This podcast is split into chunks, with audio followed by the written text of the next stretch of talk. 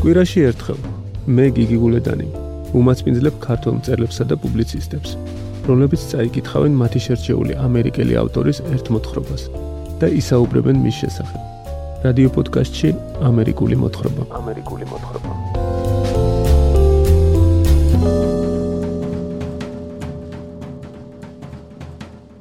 დღეს ამერიკული მოთხრობის 23-მე ეპიზოდში თქვენ მოისმენთ ჯეკ ლონდონის მოთხრობას სიცოცხლის სიყვარული, რომელიც თარგმნა ანა რატიანმა. მოთხრობის თარგმანი 1983 წელს დაიბეჭდა გამომცემლობა მერანის ამერიკული მოთხრობების კრებულში. ეს იყო უბედურებაში მყოფი ძლიერი კაცის მამედრებელი ღრიალი, მაგრამ ბილმა თავიც არ მოაბრუნა.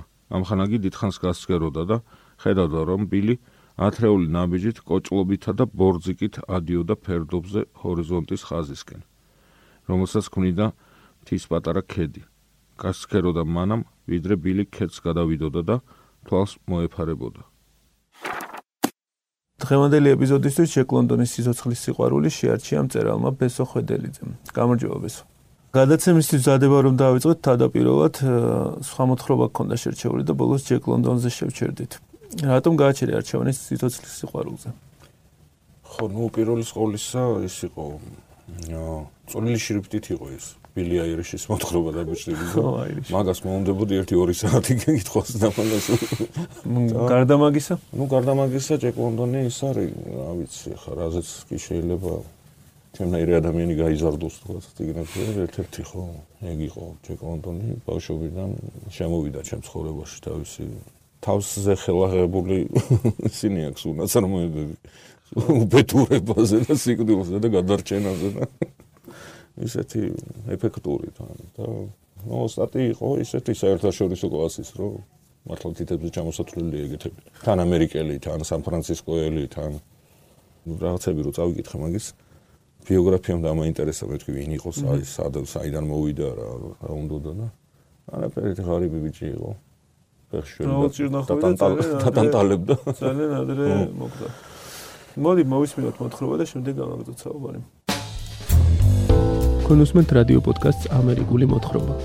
პროექტის რეგიონული პარტნიორები არიან: რადიო მარნეული, ინოცმინდის სათემო რადიო ნორი, ახალციხის რადიო სამხრეთის კარიბჭე და ქუთაისის რადიო ძველი ქალაქი. პროექტი ხორციელდება საქართველოსი ამერიკის საელჩოს მხარდაჭერით.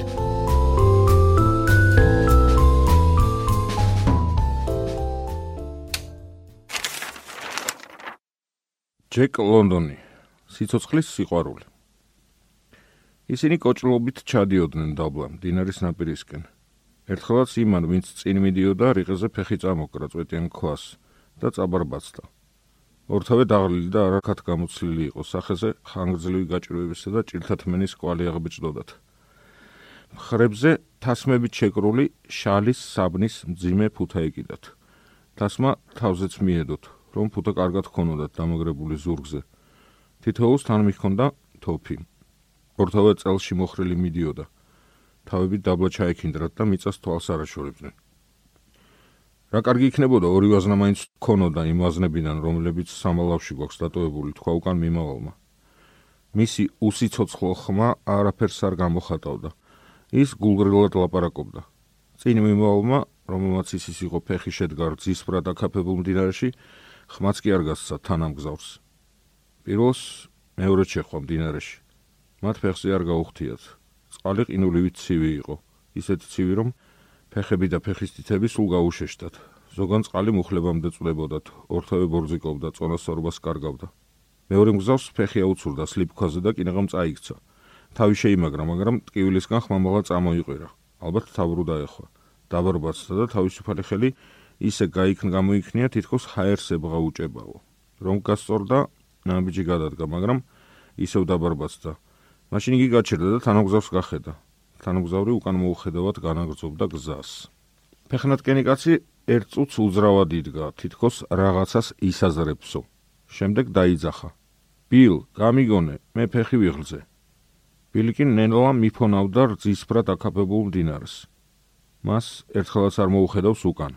მეორე გახურებდა მას და თუმცა მისი სახე წინანდებურად უმეტყველო იყო, თვალებში მაინც ჩაუდგა სევდა როგორც დაჭრილ ირემს. ბილი უკვე გავიდა მეორე ნაპირზე და უკან მოუხედავად განაგზობდა გზას. მას თვალს არ აშორებდა ის, ვინც მდინარეში იდგა. ტუჩები ისე უთრთოდა, რომ ზედ უხეში წაბლისფერი ულოშები შესამჩნევად ერხეოდა. გამშრალი ტუჩები ენის წვერით მოილოკა. ბილ, გაზახა მან. ეს იყო უბედურებაში მყოფი ძლიერი კაცის მამედრებელი ღრიალი, მაგრამ ბილმა თავიც არ მოაბრუნა. ამხანაგი დიდხანს გასცეროდა და ხედავდა, რომ ბილი ათრეული ნაბიჯით კოჭლობითა და ბორძიკით ადიოდა ფერდობზე ჰორიზონტის ხაზისკენ, რომელსაც ქმნიდა თის პატარა ქედი. გასცეროდა მანამ, ვიდრე ბილი ქედს გადავიდოდა და თვალს მოეფარებოდა. მერე მან თავი იბრუნა და ნელა მოავლო თვალის სამყაროს იმწრეს, რომელშიაც მარტო დარჩა ბილის წასვლის შემდეგ. ცის დასალიერზე მკრთალად ანათებდა მუზე. იგი ძლივს ჩანდა უნაპირო და უსახო ჯანხსა და სქელ ნისლში, რომელიც შავლეგაზე წარივით გადახფენოდა ჰორიზონტს. გზავრმა მთელი თავისი სიმძიმე ცალფეხზე გადაიტანა და ჯიბიდან საათი ამოიღო. შესრულდა შუადღის 4 საათი, ვინაიდან ივლისის დამლევი თუ აგვისტოს დამდეგი იყო. ორი უკანასკნელი კვირის განმავლობაში მას დღეების სათვალავიც კი აერია. მან იცოდა, რომ ზე ჩtildeო-დასავლეთის მხარეზე უნდა ყოფილიყო. გზავრმა სამხრეთისკენ გაიხედა და ივარაუდა, რომ სადღაც იქ ამპირქუში გორაკების გადაღმა მდებარეობდა დიდი დათვის ტბა და კანადის არქტიკის წრის საშინელი გზაც იმავე მიმართულებით სჭრიდა. დინერე, რომელშიაც ის იდგა, დინერე კოპერმაინის შენაკადი იყო. კოპერმაინიც ჩრდილოეთისკენ მიედინებოდა და კორონაციის უბეში უერთდებოდა ჩრდილოეთყინულოვან ოკეანეს. თვითონ ის არასდროს არ ყოფილა იქ, მაგრამ ეს ადგილები ერთხელ ჰუძონის უბის კომპანიის რუკაზე ნახა. კლაუ მოავლო თვალი სამყაროს იმ ნაწილს, რომელშიაც ახლა მარტო დარჩა. სანახაობა ერთუბნაღლიანი იყო. დაბალი ქედები ერთფეროვან დაკლაკნილ ხაზად გავლებოდა ცას ჰორიზონტზე. აქ არ იყო არც ხეები, არც ბუჩქები, არც ბალახი, არაფერი გარდა თვალგადაუწვრენელი და საშინელი უდავნოსი. მის თვალებში უეცრად შიში ჩაისახა. ბილი წაიჩურჩულა მან და ისო გაიმეორა. ბილი ძისფერი მდინარის შუაგულში ჩაცუცქდა თითქოს უნაპირო უდაბნო სულმობელი ძალა აღრჩობდა და ტანჯავდა თავისი საშინელი ყუდროებით. აკანკალდა და თოფი წყალში ჩაუვარდა. ამან გონს მოიყვანა. შიში დასძლია, გული გამიმაგრა, წყალში ხელი მოაფათურა და თოფი ამოიღო. მერე ფუთა მარცხენა ხრისკენ გადასწია, რომ სიმძიმე ტკივან ფეხს ნაკლებად დასწოლოდა და ნელა ფრთხილად გასწია ნაპირისაკენ. თანაც ტკივილისაგან სახე ეჭმხნებოდა. შეუჩერებლად მიდიოდა, ტკივილს ყურადღებას არ აქცევდა. გიჟური თავდავიწყებითა და აჩქარებით ადიოდა გორაკზე, რომლის თხემს მოეფარა მისი ამხანაგი. ახლა თვითონ უფრო გროტესკული და კომიკური იყო, ვიდრე კოჭლი ბილი, რომელიც წეღან ძლივს მიჩლახუნობდა. მაგრამ თხებიდან მან დაინახა, რომ ქვემოთ ჭალაში სულგმულიც კი არ ჭეჭანებდა. გზავრი კლავ შიშმა შეიპყრო, მაგრამ გული ისევ გადაიმაგრა. ფუთა კიდევ უფრო გადაიწია მარცხენა მხრისკენ და კოჭლობით დაეშვა თავქვე. ჭალა ჭანჭრობიანი იყო. სქელი ხავსი ღრუბელივით გაჟღენთილიყო წყლით. ფეხის ყოველ გადადგომაზე წყლის შეფები ციოდა იქით-აქეთ და ფეხსაცმლის ლანჩი წყლაშონით შორდებოდა სულ ხავს. გზავრი ცდილობდა მიხოლოდა ბილის ყვალს. გუბიდან გუბეში გადადიოდა იმ ქვების მეშვეობით კუნძულებივით რომ ამოჩრილიყო ხავსის ფენებში. მარტო დარჩენილს გზა არ დაკარგვია. იცოდა ცოტაც კიდევ და იმ ადგილთან მივიდოდა, სადაც სოჭისა და ნაძვის დაჩეებული და განხმარი ხეები გარსერტყა პატარა ტბას. თითჩინიჩილეს, რაც აქაურ მკითხთა ენაზე პატარა ჩხირების ადგილს ნიშნავს. ამ ტოვას ერთვის პატარა ანკარა და ამღურაველი მდინარე. მას კარგად ახსოვდა, რომ მდინარის ნაპირები ლელიანია, მაგრამ უტყეო. იგი ამ მდინარეს ახვება აღმა და ივლის სიმქედამდე, საიდანაც მეორე მდინარე უკვე პირშექცეული მიედინება დასავლეთისკენ. მე იმ მდინარეს დახვება ქვემოთ და ივლის მდინარე დიზამდე. იგი პოვის თავის სამალავს ჩამხობილი ნავის ქვეშ, რომელსაც ზემოდან ქვები აყრია. სამალავში არის ვაზნები მის цаრიელი თოფისთვის, ანკესები, საანკესე თოკი და პატარა ბადე. ყოველივე ის რაც საჭიროა იმისთვის, რომ რაიმე დაიჭიროს ან მოკლას და საჭმელი იშოვოს. კიდევ იქ ნახავს ცოტაოდენ ფქვილს, ცერცს და ბეკონის ნაჭერს. ბილი იქ დაელოდება მას, ისინი ერთად ჩახვებიან ნავით მდინარე დის, დიდი დათვის ტბამდე. მერე გადაცურავენ ტბას და წავლენ სამხრეთისკენ, სულ სამხრეთისკენ, სანამ არ მივლენ მდინარე მაკენზიმდე. სამხრეთისკენ, სულ სამხრეთისკენ ივლიან. სამთარი კი ყვალდაკვალ დაედევნება მათ. მორევებს ყინული შეკრავს. სუსხიანი დღეები დაიწყება. შეუნელებლად გასწევენ სამხრეთისკენ. ჰუძონის უბის კომპანიის რომელიმე თბილი პუნქტისაკენ, სადაც მაღალი და ძალოვანი ხეები იზრდება და საჭმელიც თავსაყრელად იშოვება. აი რას ფიქრობდა მგზავრი, რომელიც დიდი გაჭირვებით მიდიოდა წინ, მაგრამ თუ მისი სიარული ასე ძნელი იყო, კიდევ უფრო ძნელი იყო საკუთარი თავის დაჯერება იმაში, რომ ბილმა არ მიატოვა ის, რომ ბილი ელოდება სამალობთან. ასე უნდა ეფიქრა. თორემ სხვაგვარად ბრძოლის უნარი აღარ იქნებოდა, მიწაზე დაეგდებოდა და მოკვდებოდა. ხნის განმავლობაში სანამ მზის მკრთალი ბურთი ნელა ჩადიოდა ჩრდილო-დასავლეთისკენ, მან ფიქრით რამდენიმეჯერ დაფარა იმ გზის თითქმის ყოველი გოჯი, რომელიც ბილთან ერთად უნდა გაევლო სამხრეთისკენ, რათა მოძალებულ ზამთარს გაქცეოდა. თავის გონებაში ისევ და ისევ თვლიდა სამალავში დატოვებულ საჭმლის მარაგს და ხუძონის უბის კომპანიის საწყობში არსებულ მარაგსაც. ორი დღეა პირში უკმარ ჩაუდვია, მაგრამ უფრო დიდი ხანია, რაც საძღობად არაფერი უჭამია. ახლა ხშირად ჩერდებოდა. ჭაობის უფერო უკანკრას წყვეტდა, პირში იდებდა, ღეჭავდა და ყლაპავდა. ჭაობის კენკრა წყლიანია და ამიტომ პირში მალე დნებოდა. რჩებოდა მხოლოდ წარე და ჩხლეტავი თესლი. მან იცოდა რომ კენკრა ვერ მოუკლავდა შიმშილს, მაგრამ მაინც მოთმინებით ღეჭავდა, რადგან იმედი ხშირად გვერდსულის ხოლმე ცოდნასა და გამოცდილებას. 9 საათზე მგზავრმა ფეხის წერი წამოკრა ქვას, დაბარბაცდა და წაიქცა სისუსტისა და დაქანცულობისგან. ერთხანს გაუნძრევლად იწვა გვერდზე. მერე ფუთის სამხრები მოიშორა, უხერხულად წამოიწია და დაჯდა. ჯერ კიდევ არ ბრნელოდა. ბინდბუნჩი ქვებს შორის ხელების ფათურით შეუდგა ხმელი ხავსის შეგორებას ბუჯა-ბუჯად. საკმაოდ რომ მოაგროვა, ნელი აკონებული ცეცხლი გააჩაღა. ზეც წყლიცავსე თუნუქის პატარა ქვაბი შემოდგა. მერე ფუთა გახსნა და უპირველეს ყოვლისა დაითვალა, თუ რამდენი ღერი ასანთი ჰქონდა. აღმოჩნდა 67 ღერი. გული რომ დაეჭირებინა სამჯერ გადათვალა. მერე რამდენიმე ნაწილად გაყოდა, თითოეული ნაწილი პერგამენტის ქაღალდში შეახვია. ერთი შეკრა თუთუნის ცარილქისაში ჩადო. მეორე დაძველებული ქუდის სარჩულში შეინახა, მესამე კი ხალათის უბეში ჩაიდო. ყოველივე ეს რომ მოითავა, უცრად ჩიშმა შეიყრო. სამივე შეკრა გახსნა და ისევ გადათვალა. ასანთის ღერები ისევ 67 იყო. ცეცხლთან გააშრო სველი ფეხსაცმელები. მოკასინები სულ ნაფლეთებად ქცეულიყო. საბნის ნაჭრებისგან შეკერილი წინდები ბევრ ადგილას დახეულიყო და ფეხები ისე გადატყაებოდა, რომ სისხლის დიოდა. გზაურმა შეათვალიერა კოჭი, რომელიც ტკივილისგან უფეთქავდა. ისე გასიებოდა, რომ თითქმის მისი მუხლის სიმცხო იყო. ორი საბნიდან ერთ-ერთს გრძელი ნაჭერი მოახია და კოჭზე მაგრად შემოიხვია. კიდევ ჩამოხია რამდენიმე ნაჭერი და ფეხებზე დაიხვია ისე, რომ მოკასინებისა და წინდების მაგივრობა გაეწია. მერე ქვაბიდან ცხელი წყალი დალია, საათი მომართა და საბნებში გაეხვია. ყდარი ვითეძინა. შუაღამისას ჩამოვნელდა. მაგრამ წყლიადი მალე გაიფანტა. მზე ჭდილო აღმოსავლეთის ხრიდან ამოვიდა. უკეთ რომ თქვათ ამ ხარეზე ამოიწურა სინათლე, რადგან მზე ლეგაღრუბლებში იმალებოდა. 6 საათზე გაეღვიცა, შვიდად იწვა გულაღმა, პირდაპირ ახედა ყომრალცას და გაახსენდა რომ შიერი იყო. გვერდშებრუნებით იდაყვებზე წამოიწია და უცრად ძლიერმა ფრუტუნმა შეაკრთო. მის თვალწინ ხარირემი იდგა, რომელიც შიშითა და გაკვირვებით მისშერებოდა მას. ნადირი 50-ზე მეტი ნაბიჯით არც კი იქნებოდა დაშორებული მისგან, რომ გზარმა უმოვე წარმოიდგინა ცეცხლზე აშიშხინებული ირმის ხორცის სუნი და გემო. უნებურად სწაცა ხელი цаრიელ თოფს, ნადირს დაუმიზნა და ჩახმახი დააცემინა. ხარი რომმა დაიფრუტუნა და ფლოქების თქარათქურით თვალს მიეფარა. გზარმა ერთი მაგრად შეიგინა.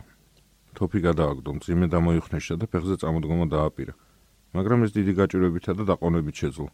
მისი სახსრები იმ დაჟანგულ და ხახუნისგან გაცვეთილ რკინის ანჯამებს დამსგავსებოდა, ბუდეში ძლივს რომ მოძრაობს. მათ ყოველ მოხრასა და გამართვას ნების ყოფის დიდი დაძობა სჭირდებოდა. ბოლოს როგორც იქნა ფეხზე წამოდგა, მაგრამ კიდევ წუთი დასჭირდა, სანამ ადამიანივით წელში გამართებოდა. პატარა გორაკზე ავიდა და ირული მიმოიხედა. თვალსაჩინზე არ ჩანდა არც ხეები, არც ბუჩქები, არც არაფერი. გარდა ზღვასავით გადაშლილი რუხი ხავსისა. რაზედაც აქა-იქ მოჩანდა რუხი ლოდები, რუხი გუბურები და რუხი ღელეები. საც რუხი ფერისა იყო. საზემზის ნასახიც კი არსად ჩანდა. კაც უკვე წარმოდგენა აღარ ქონა, საით იყო ჭდილოეთი. დაავიწყდა ისიც, რომელი მხრიდან მოვიდა გუშინ საღამოს აქ. მაგრამ გზა მაინც არ აებნა. იცოდა რომ მალე მივიდოდა პატარა ჭხირების ადგილას. გზნობდა რომ ეს ადგილი რაღაც მარცხენა მხარეს იყო. აქედან არც ისე შორს შესაძლოა შემდეგი გორაკის იქით ის დაბრუნდა იქ სადაც ღამე გაათია რომ ფუთა სამგზავროდ შეეკრა ასანთის სამიო შეკრა გასინჯა მაგრამ გადათვლა არ დაუწყია ხოლო დონბას ტყავის პირთამდე ავსებულ ბრტყელ ტოპრაკზე ჩაფიქრდა დიდხანს. ტოპრაკი დიდი არ იყო. ორივე ხელის პეშში მოთავსდებოდა, მაგრამ იცოდა რომ 15 გირვანქას იწონიდა. იმდენსავეს, რამდენსაც მთელი დანარჩენი ბარგი. და ეს აწუხებდა მას. ბოლოს ტოპრაკი განზე გადადო და ფუთის შეკრა შეუდგა. მე ერთხანს ისევ იმ ტოპრაკს მიაჩერდა, სასწრაფოდ დაცა ხელი და ისე გამომწევად გადახედა გარემოს, თითქოს ამ უდაბურ ადგილს მისი გაძარცვა სურდა. ფეხზე როცა წამოდგა და ლასლასით გაუდგა გზას, ტოპრაკი უკვე ზოურზე მოკიდებულ ფუთაში ედო. პირი მარცხნივ იბრუნა და წინ გასცია. დრო-დრო ჩერდებოდა და ჭაობის კენკრას ჭამდა. კოჭი სულ გაუშეშდა. კოჭლობა უფრო დაეტყო, მაგრამ ფეხის ტკივილი არაფერი იყო, სტომაქის ტკივილთან შედარებით. შიმშილი აუტანელ ტანჯოს აყენებდა. ტკივილი გულს უღრნიდა და უკვე აღარ იცოდა, საით წასულიყო, რომ პატარა ჩხირების ადგილამდე მიეღწია. ჭაობისკენ კრა საშინელ სიმშილს ვერ უკლავდა, ხოლოდ ენასა და სასას უშუშხავდა. პატარა ღარტაფს რომ მიადგა, ქვებიდან და კოლბოხებიდან თეთრი კაკბების გუნდი წამოუფრინდა, კრიახითა და კაკანით. ქვა ესროლა, მაგრამ ააცდინა. მერე ფუთა ძირს დადო და ხოხით ეპარებოდა, როგორც კატა ეპარება ხოლმე ბეღურებს. წვეტიანმა ქვებმა შარვალი დაუხია. მიწაზე მუხლებიდან დადენილი სისხლის კვალი რჩებოდა, მაგრამ ტკივილს მაინც ვერ გრძნობდა. შიმშილი ახშობდა ამ ტკივილს. სულ ხავსზე მიხოხავდა. ტანისამოსი დაუსოლდა. სხეული გაეთოშა, მაგრამ ვერაფერს ამჩნევდა, რადგან შიმშილი ძირეთ ანჯავდა. თეთრი კაკბები კი ფრინდებოდნენ და ფრინდებოდნენ მის ირგვლივ. ბოლოს მათი კრიახიც დაცინვა და ჩვენებოდა. კაკბებს შეაგინა და გამოსაჯავრებლად მათე პრაკრიახდა ხმამაღლა. ერთხელ კინაღამზე წააწყდა კაკაბს, რომელსაც ალბათ ეძინა. ქვებს შორის ვერ ხედავდა ფრინველს, სანამ პირდაპირ ხვი წინარ წამოუფრინდა. კაკაბი ძლიერ სწრაფად აფრინდა, მაგრამ კაცმა ასევე სწრაფად წაცა ხელი და ხელში კუდის სამი ფრთა შერჩა. ფრინველს თვალი გაადევნა და მის მიმართ ისეთი ზიზღი იგრძნო, თითქოს ფრინველს საშინელი ბოროტება დაეტეხოს მის თავზე. მერე ფუთასთან დაბრუნდა და ზურგზე მოიგდა. შუადღესაც მივიდა ჭაობთან, სადაც უფრო მეტი ფრინველი და ნადირი იყო. თითქოს აღიზიანებსო, მას გვერდით ჩაუქროლა კანადური ირმების თელმა ჯოგმა. 20-მდე იქნებოდა. ირმებმა ისე ახლოს გაუარეს, რომ თოფით შეიძლებოდა მათი მოკლა. კაცი შეიპყრო ველურმა სურვილმა, დადევნებოდა მათ. დაწუნებული იყო, რომ დაეწეოდა ჯოგს. ამ დროს შავი მელა შეეფეთა, რომელსაც პირში კაკაბი ეჭირა. კაცმა დაიყვირა. ეს ყვირილი საშინელი იყო. დამფრთხალი მელა განზე გახდა, მაგრამ ნადავლი პირიდან არ გაუგდია. ნაშოთღებს მოგვიანებით მიხვებოდა რძისფერი მდინარის ნაპირს, რომელიც მეჩხერი ლელით იყო დაფარული. ლელის ღეროს ძირთან ჩაავლო ხელი და მიწიდან რაღაც ბოლქვისებური ამოგლიჯა. ლურსნის თავისოდენა. ბოლქვი რბილი აღმოჩნდა და კბილებში მადიანა დახრამუნდა, მაგრამ ბოჭკო უხეში და ისეთივე წყლიანი იყო, როგორც კენკრა. ამიტომ შიმშილს ვერ უკლავდა. ტვირთი მოიხსნა და დაოთხებული შეფორთხდა რელინიანში. ბოლქვებს ისე ახარამუნებდა და ღეჭობდა, როგორც ცოხნავი ცხოველი. ძლიერ დაიღალა. ხშირად უნდა მიწაზე დაწოლა და დაძინება, მაგრამ პატარა ჩხირების ადგილამდე მისვლის ძლიერი სურვილი და უფრო მეტად შიმშილი მოსონებას არაძლებდა. გუბურებში ბაყებს ეძებდა. ხელებით მიწას ფოფრავდა იმის იმედით იქნებ ჭიები იყო, თუმცა იცოდა რომ ასე შორს შილოჩი არც ჭიები და არც ბაყები არსებობენ.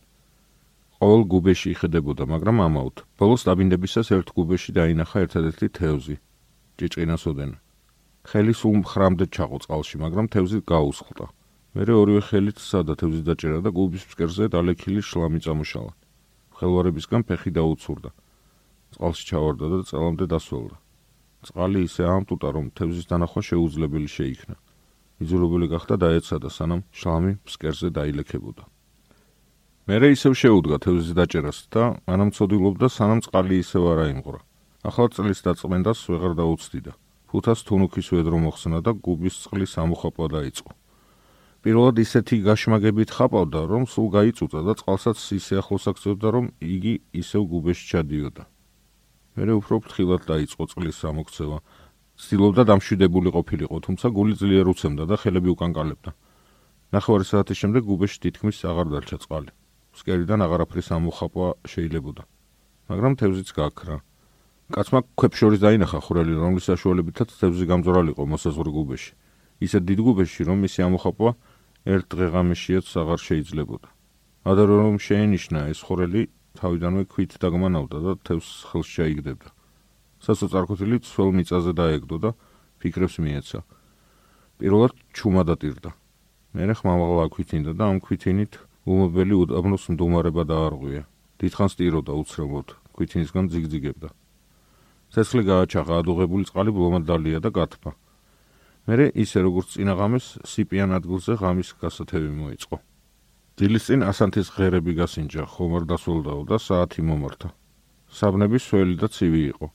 კოჭი ტკივილისაგან საშინლად უპეთქავდა, მაგრამ ის მხოლოდ შიმშილს გზნობდა და ღამითაც შოთვარე ძილში თეიფებილ ხინი და საჭმელებით სავსეს უფრები ესიზმრებოდა.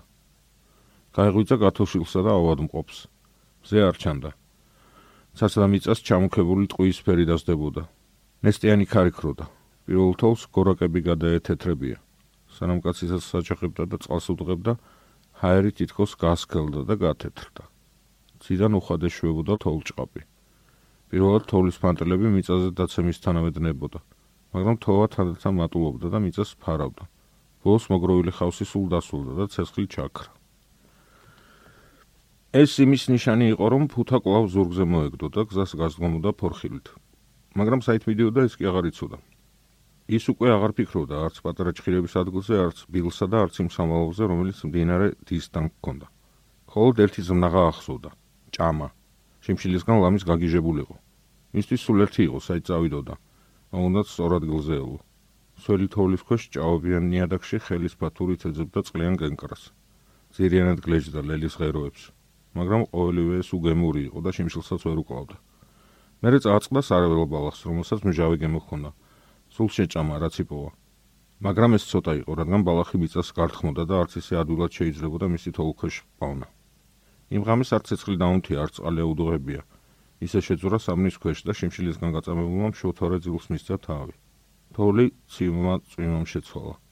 გზავრმა რამდენიმეჯერ გაიღვიძა, რადგან წვიმა სახეზე ეცემოდა. უმზეოდა ბურუსიანი დღე გათენდა. წვიმა შეწყდა. გზავს ახლა შიმშილის გზნობა მიუყუჩდა. ხოლოდ მუცელში გზნობდა გამუდმებულ ყრუტ კივილს, მაგრამ ეს დიდად არ აწუხებდა. გონება გადაიწმინდა და ახლა კვლავ ფიქრობდა პატარა ჭხირების ადგილსა და თავის სამალავზე, რომელიც მდინარე დისთან ჰქონდა. მან გზელ-გზელ ნაჭრებად დახია ერთი საბრნის ნარჩენი და გასისხლიანებულ ფეხებზე დაიხვია. მერე მტკივანი კოჭიც შეიხვია და სადღეისო გადასვლისთვის გაემზადა. ფუთოს რომ მიადგა ისევ დიდხანს დასკეროდა დონბას ტყავისგან შეგერილ ტოპრაკს, მაგრამ ბოლოს და ბოლოს ისიც მოიგიდა ზურგზე. წვიმამ თოვლი გაადნო და მხოლოდ გორაკების წერვალები დარჩა გადაცეთრებული. ზემ გამოიჭრიდა და მგზავრმა შეძლო გარკვეულიყო გარემოში, თუმცა ახლა მან იცოდა, რომ გზა აბნეოდა. ალბათ ამ უკანასკნელ დღეებში ბორიალის დროს ძლიერ შორს წავიდა მარცხნე. ახლა გეზი მარჯვნივ დაიჭირა, რომ სწორ გზაზე გასულიყო. შიმშილი აღარ დანჯავდა, მაგრამ გრძნობდა, რომ არაქათი გამოელია. ჭაობის კენკრისა და ლელის ბოლქვების შეგროვების დროს ხშირად ჩერდებოდა და ისვენებდა. ენა გაუსივდა და გაუშრა. თითქოს ბუსები მოსდებოდა ზეთ. ისში მწარე გემოხონდა. მაგრამ ყველაზე მეტად გული აწუხებდა. რამდენიმე წუთს რომ გაივლი და გული უმოწყალო ბაგაბუქს უწყებდა. მერე თითქოს კერჩი მაღლა შეხტებოდა, არეულად და მტკივნელად დაუძგერდებოდა. კაც სულის ხუთვა და თავროხვევა ეწოდა. შუა დღისას დიდ გუბეში დაინახა ორი ჭიჭყინა. წყლის ამოხაფვა შეუძლებელი იყო, მაგრამ ახლა უფრო დინჯად იქცეოდა და ჭიჭყინების დაჭერა თუნუქის ვედროთი მოახერხა. ისინი სიგრძით მისი ნეკის ოდენა ძლივს იქნებოდნენ, მაგრამ ის ახლა ძლიერ შიმშილს აღარ გრძნობდა. მუცელში ტკივილები თანდათან უღუჩდებოდა, თითქოს სტომაქი თვლემსო. თევზები უმად შეჭამა, გულდაგულ დაღეჭა. ეს წმინდა გონივრული მოქმედება იყო, ჭამა აღარ უნდოდა, მაგრამ იცოდა, რომ ეს საჭირო იყო მისი სიცოცხლისთვის. საღამოს კიდევ სამი ჭიჭყინა დაიჭირა, ორი შეჭამა. მესამე კი საუზმისთვის მოიტოვა. ზემ გააშრო ხავსის ნაფლეთები იშვიათად რომ ხდებოდა ხოლმე. გზალმა წყალი აადუღა და დალია, რომ გამთვარიყო. ამ დღეს გაიარა არა უმეტეს 10 მილისა. მეორე დღეს კი არა უმეტეს 5-ისა. რადგან მხოლოდ მაშინ მოძრაობდა, როცა გული არ ღალატობდა. სტომაქის ტკივილი უკვე აღარ აწუხებდა. სტომაქმა თითქოს დაიძინაო. ადგუნდებარეობა ახლა მისთვის უცნობი იყო. აქ ბლომად ხდებოდა კანადის ირმები და მგლები. უდაბური შორითიდან ხშირად მოისმოდა მგლების ხმუილი. ერთხელ კი დაინახა სამიმგელი, რომლებმაც შემპარავად გადაურბინეს გზაზე. კიდევ ერთ ხავენ გავიდა და დილით ცოტა გონს რომ მოეგო, გახსნა ხვედი, რომლითაც დონბას ტყავის ტოპრაკი ხონა შეკრული. პირველხსელი ტოპრაკიდან ყვითელი ნაკადილით წამოვიდა ოქროს ნამცეცები და ზოდები. მან ოქრო დაახლოებით შუაზე გაყო. ერთი ნაწილი საბნის ნაჭერში შეახვია და გადმოყუდებული კლდის ქვეშ დამალა. მეორე ნაწილი კი ისევ ტოპრაკში ჩააბრუნა. ერთი დარჩენილი საბნის ნახევარიც ფეხსახვევად გამოიყენა. მაგრამ თოფს მაინც არ ეშვებოდა, რადგან დინერე დისთან სამალავში ვაზნები ჰქონდა დაწოვებული. ხორბულიანი დღე იყო. ამ დღეს შიმშილმა ყვავ გაუხსენა. გზავრი ძლიერ დასუსტდა და თავი ისე უბრალოდა, რომ დროდადრო თვალები უღნელდებოდა. მისთვის ეს უჩვეულო არ გახდათ. ახლა იგი სულ ბორძიკობდა და ეცემოდა. ერთხელ კი პირდაპირ კაკბის ბუდეს დაეცა. ბუდეში ახლად გამოჩეკილი 4 ბარტყი იყო. არა უმეტეს ერთი დღისა. თითოეული მხოლოდ ერთ ლუკმად კმაროდა. მან ცოცხლად ჩაიტენა ისინი პირში და ხარბად დაუწყო ჭამა. ბარტყებს კვილებში კვერცხის ნაჭუჭივით გაქონდათ კანაწაკნუწი. დედა კაკაბი საშინელი კრიახით ეხეთქებოდა აკეთიკით. გზავს სურდა თოფის კონდახით მოეკლა იგი, მაგრამ კაკაბი შორს გაუსხდა. მაშინ ქვების როლა დაუწყო და ერთი გასროლით ფრთა მოსტეხა. კაკაბმა მოტეხილი ფრთა მიწაზე გაათრია და გაიქცა, მაგრამ გზავრი უკან გაედევნა. ბარტყებმა მხოლოდ მადა გაუხსნეს. გზავრი უხერხული ხტუნით ვიმზდოდა ფრინველს. ტკივან ფეხზე ეცემოდა, ხან ქვებს ესროდა და ხრინწიანი ხმით გახვიროდა. ხან ჩუმად მიხტოდა. პირქუშად და მოთმინებით დგებოდა ზეზე ყოველი დაცემის შემდეგ და თვალებს იფშნებდა, რათა თავრუსხევა დაეძლია. გული შეწუხებით რომ მემუქრებოდა. ტაკბის გამოდავნებამ გზავრი ჭაობიან დაბლობში ჩაიყვანა და იქ სულ ხავსზე შენიშნა ადამიანის ნაფეხური. მისი ნაფეხური არ იყო, ეს მან კარგად შეამჩნია. ბილის ნაფეხური თუ იყო. მაგრამ გზავს შეჩერება არ შეეძლო, რადგან დედაკაკაბი გარბოდა, ჯერ ფრინველს დაიჭერს, მერე კი დაბრუნდება და ნაკვალებს შეამოწმებს. დედაკაკაბი დაქანცა, მაგრამ თვითონაც დაიქანცა. ილაჭ გაწყვეტილი ფრინველი გვერდზე მიეგდო. გატანჯული მგზავრიც მისგან 12-ოდენ აბიჯის დაშორებით დაწვა. მას აღარ შეეძლო ფრინველთან მიხოხება. ხოლო როცა სული მოიოხა, ფრინველაც ძალა მოიკრიბა და მგზავრის ხარბად გაწვრილ ხელს გაექცა. გზავრი ისევ გამოუდგა კაკაბს, მაგრამ ამასობაში კიდევ დაღამდა და კაკაბი დაიმალა. კაცი დაღლობისგან წაბორძიგდა და ზურგზე ფუთა მოკიდებული პირქვე წაიქცა. დაცემისას ლოყა გაიხეთქა. ნითხას არ განძრეულა. მერე გვერდზე შებრუნდა. საათი მომართა და დილამდე ასე იწვა. მეორე დღე კვლავ ბურსიანი იყო. საბნის დარჩენილი ნახევარის ფეხის სახოებად გამოიყენა. ილოჯ გამოცნულმა ბილის ნაფეხურები ვეღარ იპოვა, თუმცა ახლა ამას აღარ ნახულობდა. შიმშილი ულმობლად მიერეკებოდა წინ. ხოლოდ იმას ყფიქრობდა, ვაი თუ ბილსაც ასე დაებნაო გზა. შუა დღესაც ზურგზე მოდებულმა ფუთამ აუტანლად გააწამა. ოქრო კაო გაყო შუაზე. ამჯერად ნახევარი პირდაპირ მიწაზე დაყარა. ნაშუა დღეს მეორე ნახევარის გადააგდო. დაიტოვა ხოლოდ საბნის ნაფლეთი, თუნუქის ვედრო და თოფი. მოჩვენებებმა დაუწყო ტანჯვა, რატომაც დარწმუნებული იყო, ერთი ვაზნა დამრჩაო, თოფის სავაზნეში რომედო. მან ეს დიდი ხანია შენიშნა. ამავე დროს იცოდა, რომ თელმის გზაზე თოფის სავაზნეც არიელი იყო, მაგრამ მოჩვენება მოსვენებას არ აძლევდა. საათობით ებრძოდა მოჩვენებას. მერე თოფი გადახსნა და სავაზნე მართლაც სარიელი აღმოჩნდა. იმიდის გაცრუება მეტად წარე იყო, თითქოს მართლაც ეულდა, რომ სავაზნეში ვაზნას იპოვიდა. გავიდა ნახევარი საათი და მოჩვენება ისევ განუახლდა. იგი იქამდე ებრძოდა მოჩვენებას, სანამ თოფი ხელმეორედ არ გადახსნა, რათა თვალანთილ დაენახა სავაზნე. დროდადრო გონება უბნელდებოდა და გზას ავტომატურად განაგრძობდა. უცნაური მოჩვენებები და წარმოდგენები ჭიებივით უღრნიდა ტვინს. მაგრამ გონების ეს ბორიალი დიდხანს არ გრძელდებოდა. შიმშილის ტანჯველი გრძნობა განუწყვეტლივ აბრუნებდა მას სინამდვილესთან. ერთხელ გონს მოიყვანა ისეთმა სანახაობამ, რის გამოც მაშინვე კინაღამ გული წაუვიდა. თრალი კაცივით დაბარბაცდა და უკან გადაქანდა, ფეხზე ძლივს დამაგრდა. მის წინ იდგა ცხენი, ცხენი. თვალებს არ უჯერებდა. სინასლის მოკიაფე წერტილებით დაწინწკლული სქელი ბურუსი ჩასდგომოდა თვალებში. გაშმოგებით დაიწყო თვალების შნეტა, რათა ხედვა გადაწმენდოდა და თავის წინ დაინახა არა ცხენი, არამედ ვეებერთერა მურა დათვი. ხეცი მტრული გაოცებით ათვალერებდა მას. კაცმა სანახევროდ უკვე მოიმარჯვა თოფი. ვიდრე გონს მოიგებოდა თოფი დაუშვა და წელზე დაკიდებული გვირისტით ჩეკერილი ქარქაშიდან სანანდირო დანა ამოიღო. მისინ იყო ხორცი და სიცოცხლე. ცერი აუსვა დანის პირს. დანის პირისა და წვერიც ბასრი იყო. ახლა დაეძგერება დათვს და მოკლავს. მაგრამ გული აუძგერდა. თითქოს აფრთხილებსო.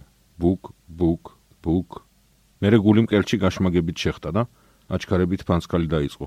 შუბზე თითქოს რკინის სალტები შემოეჭდა და თავრუ დაეხვა. თავგამეტებული გამბედაობა შიშის დიდმა ტალღამ წალეკა. თავად ასე უღონო რომ არის, რა მოუვა დათვი რომ დაიძგეროს. გზავრი მთელი სიმაღლით აიმართა, რაც შეიძლებოდა შთამაგონებელი გამომეტყველებით დანამოიმარჯვა და დათვს პირდაპირ შეხედა. დათვმა ბაჯბაჯით გადმუდგა ნაბიჯი წინ, ყალღზე შედგა და დაიღრიალა. კაცი რომ გაქცეულიყო, დათვი დაედევნებოდა, მაგრამ კაცი ადგილიდან არ დაძურლა. შიშისაგან თითქოს გამხნევდა. მანაც ხეცივით შემზარავად დაიღრიალა. ამღრიალი ჩიში გამოხატა. შიში, რაც მტკიცედ არის დაკავშირებული სიცოცხლესთან და მჭიდროდაა ჩაწნული მის ღრმა ფესვებში. დათმა ბოროტა დაიღრინა და გვერდი იბრუნა. იგი შეტრკა ამ უცნაური არსების წინაშე, რომელიც უშიშრად ამართულიყო. კაცი არ ინძრეოდა, ქანდაკებასავით იდგა, ვიდრე საშიშოებამ არ გაიარა. მე კი ციებცხელებიანივით აგანკალებული გაიშხლართა სულ ხავსზე. ზალა რომ მოიკრიბა ახალი შიშით შეყრობილმა გზა განაგრძო. ეს უკვე აღარ იყო უჭმელობით გამოწვეული სიკვდილის შიში. ახლა ისაშინებდა მანამდე არ გამختارიყო რაიმეს მსხვერპლი, ვიდრე შიმშილი ჩაახშობდა მის სარსებაში სიცოცხლის შენარჩუნების უკანასკნელ სწრაფოს. ირგვლივ მგლები იყვნენ. ამ უდაბნოში ყოველ მხრიდან მოისმოდა მათი ყმუილი. ჰაერს ისე იყო სავსე თავდაუღწეველი საშიშროებით, რომ უნებლიეთ ხელები მაღლასია ამ საშიშროების ასაცილებლად თითქოს ქარით შერხეულ კარვის კალთას იშორებს. გზაზე მგლები გადაურბოდნენ. ხან ორი, ხან სამი. მაგრამ ახლოს არ ეკარებოდნენ. არც ისე ბევრნი იყვნენ. გარდა ამისა, დაჩვეული იყვნენ ნადირობას კანადის ირმებზე, რომლებიც წინააღმდეგობას არ უწევდნენ. ეს უცნაური არსება კი ორფეხზე დადიოდა და ალბათ კიდევაც იკაწრებოდა და იკბინებოდა. გვიან ნაშუადღებს გზავრი წააწყდა ძვლებს. კაფანტულს იმ ადგილას, სადაც მგლებს თავისი მსხვერპლი დაიგლიჭეთ. ერთი საათის წინ ეს ნაგლეჯები ირმის ცოცხალინ უკრი იყო. ალბათ იგი მარდად და ხალისიანად კონტრუშებდა. ხაოდა. კაცი დახურებდა ამ სუფთად გახრულსა და მოლაპლაპე ძვლებს, რომელთაც ვარდისფერი გადაკრავდათ, რადგან მათ უჯრედებში სიცოცხლის ნიშანწყალი ჯერ კიდევ არ გამქრალიყო. ხომ შეიძლებოდა რომ დღის ბოლოსთვის თვითონაც ასევე ნაგლეჯებად ქცეულიყო. ასეთია სიცოცხლე. ამაო და სწრაფ წარმავალი. ხოლო სიცოცხლე გვაიძულებს ვიტანჯოთ. სიკვდილში ტკივილი არ არის. მოკვდი დაიძინე. სიკვდილი ნიშნავს დასასრულს, დასვენებას. მაშინ რატომ არ სულს მას მოკვდეს? მაგრამ დიდხანს არ უმშელია. მალე ის უკვე ხავსზე იჭდა. პირში ძვალი ეჭირდა და წუწნიდა მისგან სიცოცხლის უკანასკნელ ნაწილაკებს, რომლებიც ძვალს ჯერ კიდევ აძლევდნენ ვარდისფერს. მას აგიჟებდა ხორცის ტკბილი გემო, ოდნავ შესამჩნევი და მიუწვდომელი.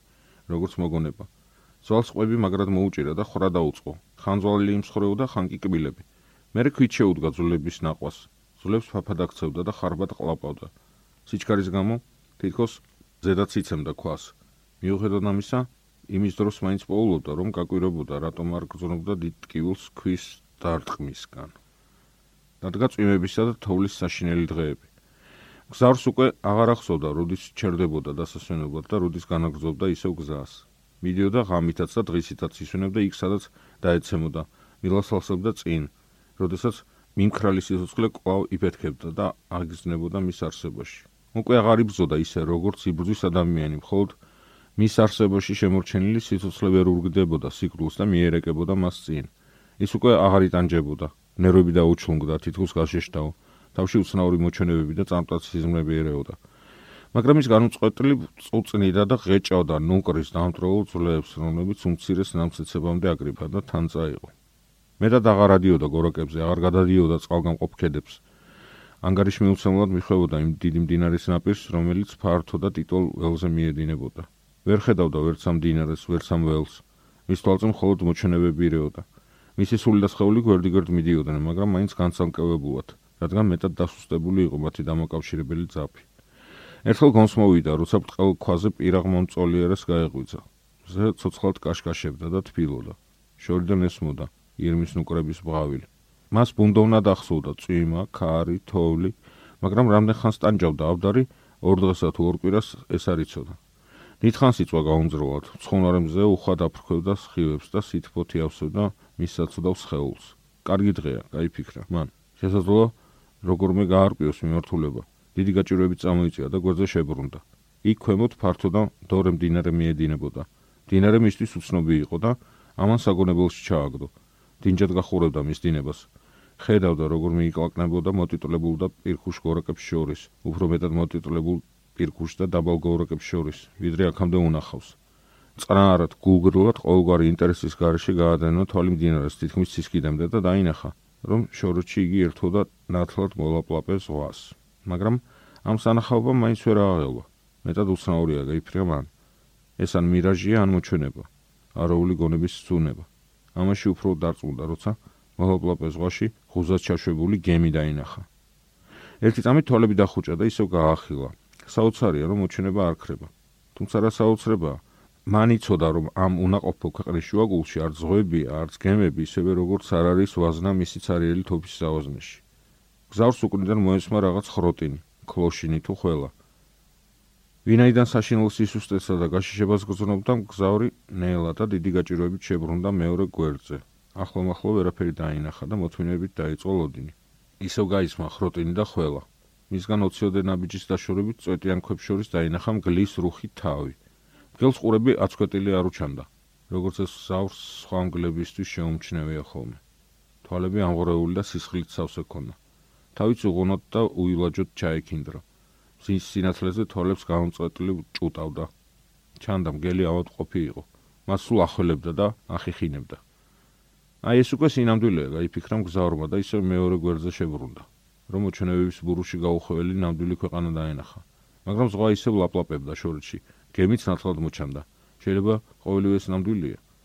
თვალები დახუჭა, ჩაფიქრდა და ბოლოს გაერკვა საკითხში. ის ჩრდილო აღმოსავლეთისაკენ მიდიოდა, სულ უფრო და უფრო შორდებოდა მდინარე დის და აღმოჩნდა კოპერმაინის ხეობაში. ეს ფართო და მდორე მდინარე კოპერმაინია. ეს მოლაპლაპე ზღვა ჩრდილო ყინულოვანი ოკეანე. ეს გემი კი ვეშაპსანადირო გემია, რომელიც შორს წამოსულა აღმოსავლეთისკენ მდინარე მაკენზის შესართავიდან და ახლა ღუზა ჩაუშვია კორონაციის უბეში. მან მოიგონა ოდესღაც ნანახი ჰუზონის უბის კომპანიის რუკა და მისთვის ყოველივე ნათელი და გასაგები გახდა.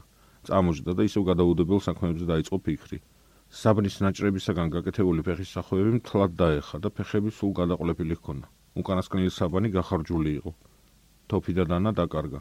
ქუდით რაღაც მიაკარგა და მასთან ერთად ქუდის სართულში შენახული ასანთის ღერებიც. მაგრამ თამაკოს კისაში ჩაყრილი და პერგამენტში გახეული ღერები უბეში რომ ქონა შენახული გადარჩენოდა და მშრალიც იყო. კაცმა საათს დახედა. იგი ისე მუშაობდა და თერმოს უჩვენებდა. როგორც ჩანს, საათის მომართვა არ ავიწყდებოდა. გზავრი დამშვიდებული იყო და საღად აზროვნებდა, მიუხედავად საშინელი სისუსტისა. არავითარ ტკივილს არ გრძნობდა. შიმშილიც არ აწუხებდა, საჭვლის გახსენებაც კი არ შეამოვნებდა და რასაც კი აკეთებდა, აკეთებდა მხოლოდ გონების კარნახით. მუხს ქვემოთ შარლის ტოტი მოიხია და ტერფზე დაიხვია. ვედრო რატომაც არ გადააგდო. საჭირო იყო ადუღებული წყალი დაელია, სანამ გემისკენ მიმოვა გზას დაადგებოდა. მეტად ძნო გზას, როგორც ამას წინასწარ გრძნობდა. ყველა მისი მოძრაობა ძალიან ნელი იყო. დამბლადაცებული ძიგძიგებდა. მას სურდა მშრალი ხავსი მოეგროვებინა, მაგრამ ფეხზე ვერ წამოდგა. რამდენჯერმე საადა წამოდგონა და ბოლოს დაუთხებული გაფორთხდა. ერთხელ სულ ახლოს მიფორთხდა ამოტყობ გელთან. ხეცმა უხალისოდ უტია გზა და უღანო ენით მოილოკა ლაშები.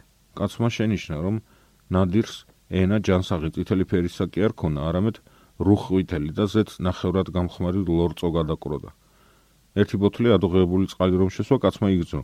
შეეძლო წამოდგომას და გავლაც კი, თუმცა იგი თითქმის მომოკვდავი იყო. თითქმის ყოველ წუთს ისვენებდა, სუსტი უილაჯუნა ბიჭებით მიდიოდა და ასევე სუსტად და უილაჯოთ მილასალსებდა მის უკან მგელი.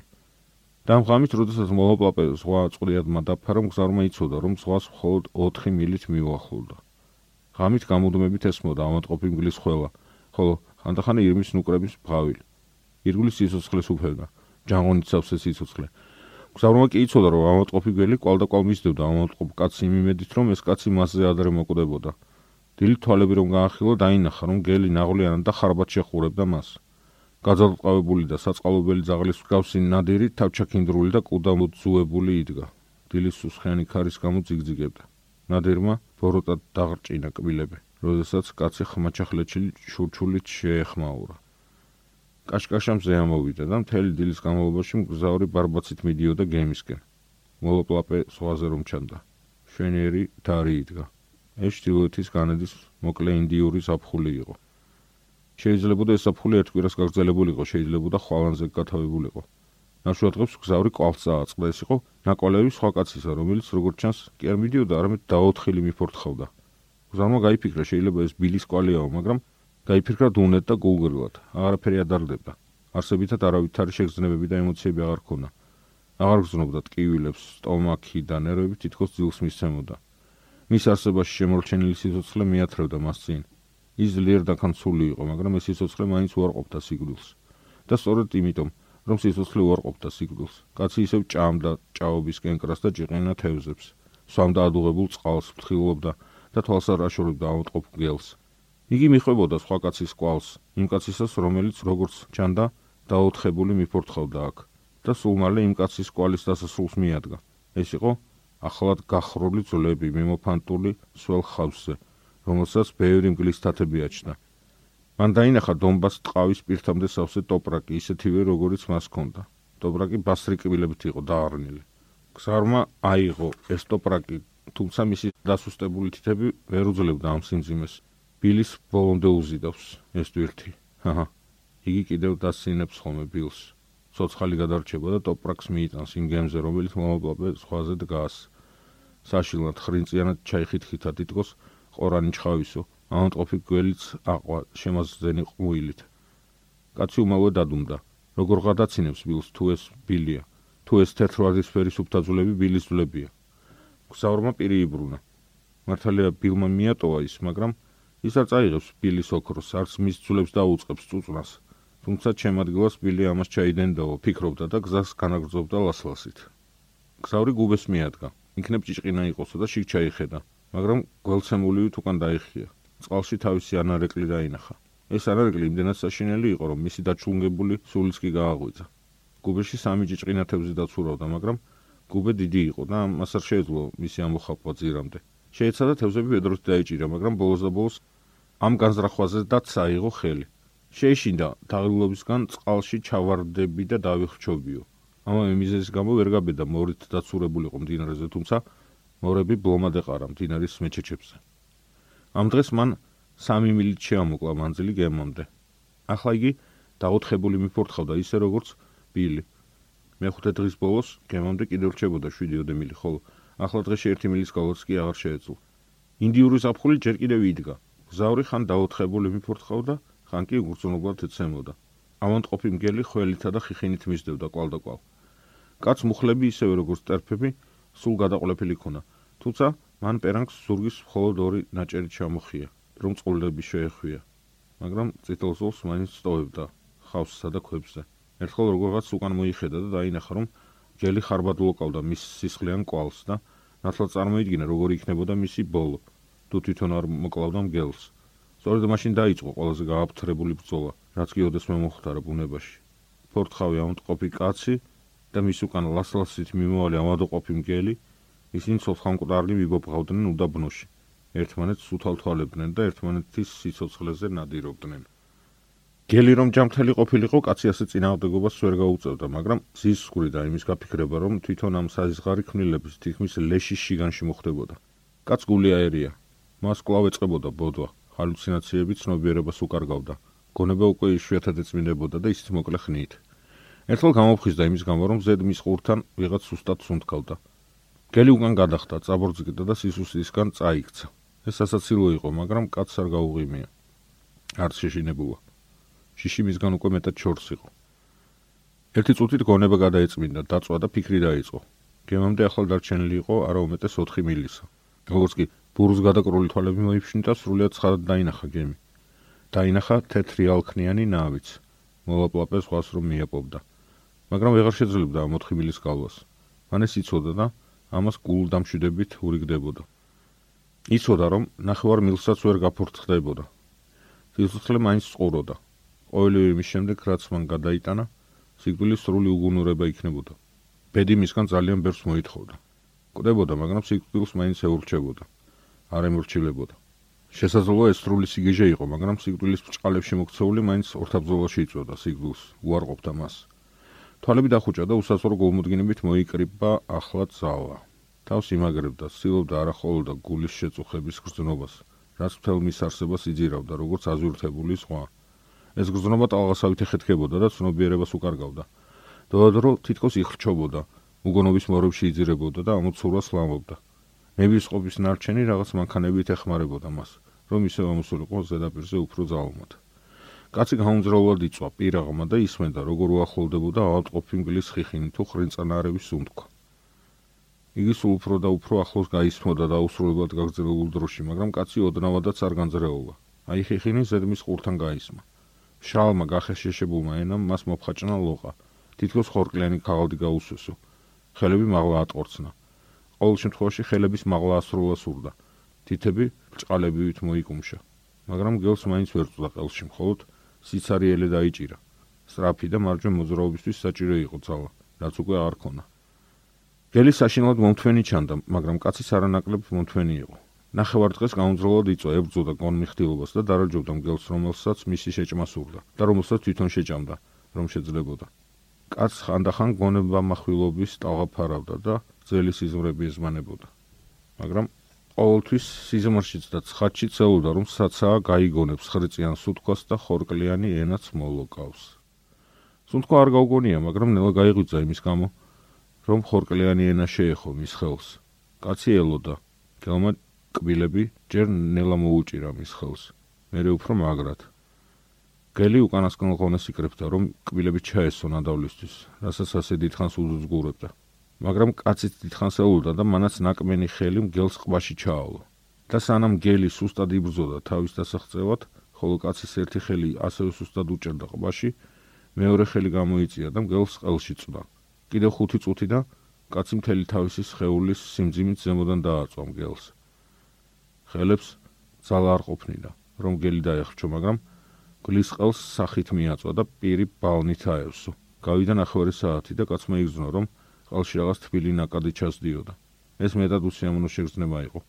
თითქოს სტომაქში გამდნარ ტყვიას ასხამდნენ. და კაცო მხოლოდ ნების ყოფის დიდი დაზაბვით ითმენდა ამას. მე ის პირაღბა გადაბრუნდა და ძილს მიეცა. ვეშაპ სანადირო გემზე ბეთფორდზე სამეცნიერო ექსპედიციის რამდენიმე წევრი იყო. გემბანიდან მათ შენიშნეს ნაპირზე რაღაც უცნაური არსება. იგი სილოზე დაცოცავდა ზღვის მიმართულებით. მეცნიერმა ვერ გაარკვიეს თუ რა იყო ის და როგორც ბუნების მეტყველებს შეხბერით ხოლმე ნავში ჩასხდნენ და ნაპირისკენ გასწიეს. მათ დაინახეს ცოცხალი არსება, მაგრამ ადამიანი ძნელად თუ დაერქმეოდა ამ არსებას. ცნობა მიხდულს არც არაფერი ესმოდა. არც არაფერი გაიგებოდა და მხოლოდ მიწაზე იკლაკნებოდა როგორც ვეებერთელა მატლი. წინ წაწევის მთილი მისიც და თითქმის უშედეგე იყო, მაგრამ ამ ცდას მაინც დაჟინებით განაგრძობდა.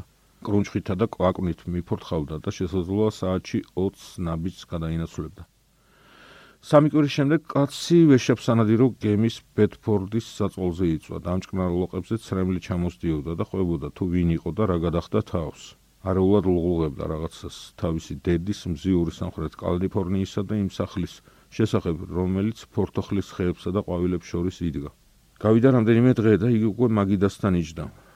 მეცნიერებსა და გემის უფროსებთან ერთად ახარებდა საჭმლის სიუხე, შეშფოთებით აყოლებდა თვალს ყოველ ლუკმას, რომელიც ხვის პირში ჩადიოდა. და თვალებში ღრმა მწუხარება ეხატებოდა. სრულ ჭკუაზე იყო, მაგრამ სუფრასთან მსხდომი ადამიანები მაინც ეჯავრებოდა. მას მოსვენებას არ აძლევდა იმის შიში რომ საჭმელი არ ეყოფოდათ. იგი ეკითხებოდა სურსათის მარაგის შესახებ ზარეულს, გემის ბიჭს და თვით კაპიტანსაც კი. ისინი მუდამ ამშვიდებდნენ, მაგრამ არავის უჯერებდა და ჩუმად იჭრიტებოდა საკუჭნაოში, რომ საკუთარი თვალებით ენახა. შენიშნეს, რომ კაცი სუხდებოდა, დიდ დღე მატულობდა წონაში. მეცნიერები თავს აკნებდნენ და სხვადასხვა თეორიებს თხზავდნენ. კაც საჭმელი განუსაზღვრეს, მაგრამ მაინც მატულობდა წონაში, განსაკუთრებით წელის არეში. მეზღვაურებს ეცინებოდათ. მათი ცოდნენ რაშიც იყო საქმე, მაგრამ როცა მეცნიერებმაც დაიწყეს დაკვირვება ამ კაცზე, მათაც ყველაფერი გაიგეს. დაინახეს, რომ ყოველი საუზმის შემდეგ კაცი გაიპარებოდა ხოლმე გემის წინ ერთოზე და იქ მათხოვარივით უწვდიდა ხელს რომელიმე მეზღვაურს. მეზღვაურს ჩაიცინებდა და კაცს ერთნაჭერ ბისკვიტს მისცემდა. ის ხარბად წაეტანებოდა ბისკვიტს და აშტერდებოდა ისე, როგორც ძუნწი ოქროს და უბეში ჩაიმალავდა. ასეთივე საჩუქრებს ღიმილით აძლევდნენ სხვა მეზღვაურებიც. მეცნიერებმა არაფერი უთხრეს და თავის ნებაზე მიუშვეს, მაგრამ მათ ჩუმად დაათვალიერეს მისი საწოლი. იგი სავსე იყო ნამცხრობით. ყველა ხროლსა და კუთხეში მიმალული ქონა ნამცხვარი. თუმცა ის სრულჭკუაზე იყო, ხოლო ზომებს ღებულობდა შიმშილობის შესაძლებელი შემთხვევისთვის. ეს იყო და ეს. მეცნიერებმა თქვეს, ეს ზნე გაუვლისო. და მართლაც ვიზრე ბეთფორდი ხუზას ჩაუშვებდა სან-ფრანცისკოს ნავსადგურში, ეს ასეც მოხდა. კონუსმენტ რადიო პოდკასტს ამერიკული მოთხრობა. პროექტის რეგიონული პარტნიორები არიან: რადიო მარნეული, ინოცმინდის სათემო რადიო ნორი, ახალციხის რადიო სამხრეთის კარიბჭე და ქუთაისის რადიო ძველი ქალაქი. პროექტი ხორციელდება საქართველოსი ამერიკის საელჩოს მხარდაჭერით.